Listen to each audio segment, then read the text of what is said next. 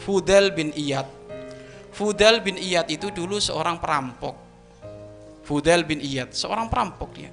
Tukang nyuri, ya. Tiba-tiba suatu ketika Fudel bin Iyad itu mau nyuri, ternyata yang dicuri itu adalah rumahnya seorang wali.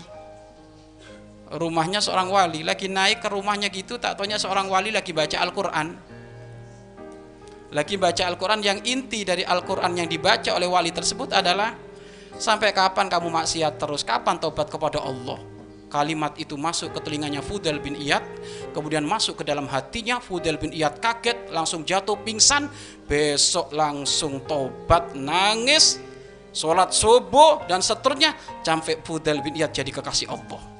Nah ini Allah yang narik dia. Allah yang mengistimewakan dia. Allah pengen kenalan sama dia.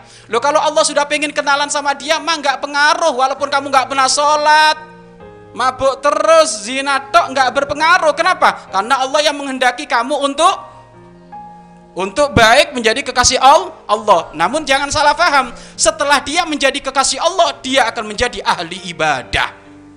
Setelah dia menjadi kekasih Allah, dia akan menjadi orang yang rindu dekat kepada Allah, kepada Allah. Jadi yang dimaksud jika Allah membuka satu pintu untuk dirimu dekat kepada Allah, maka kamu nggak usah peduli walaupun kamu nggak punya amal.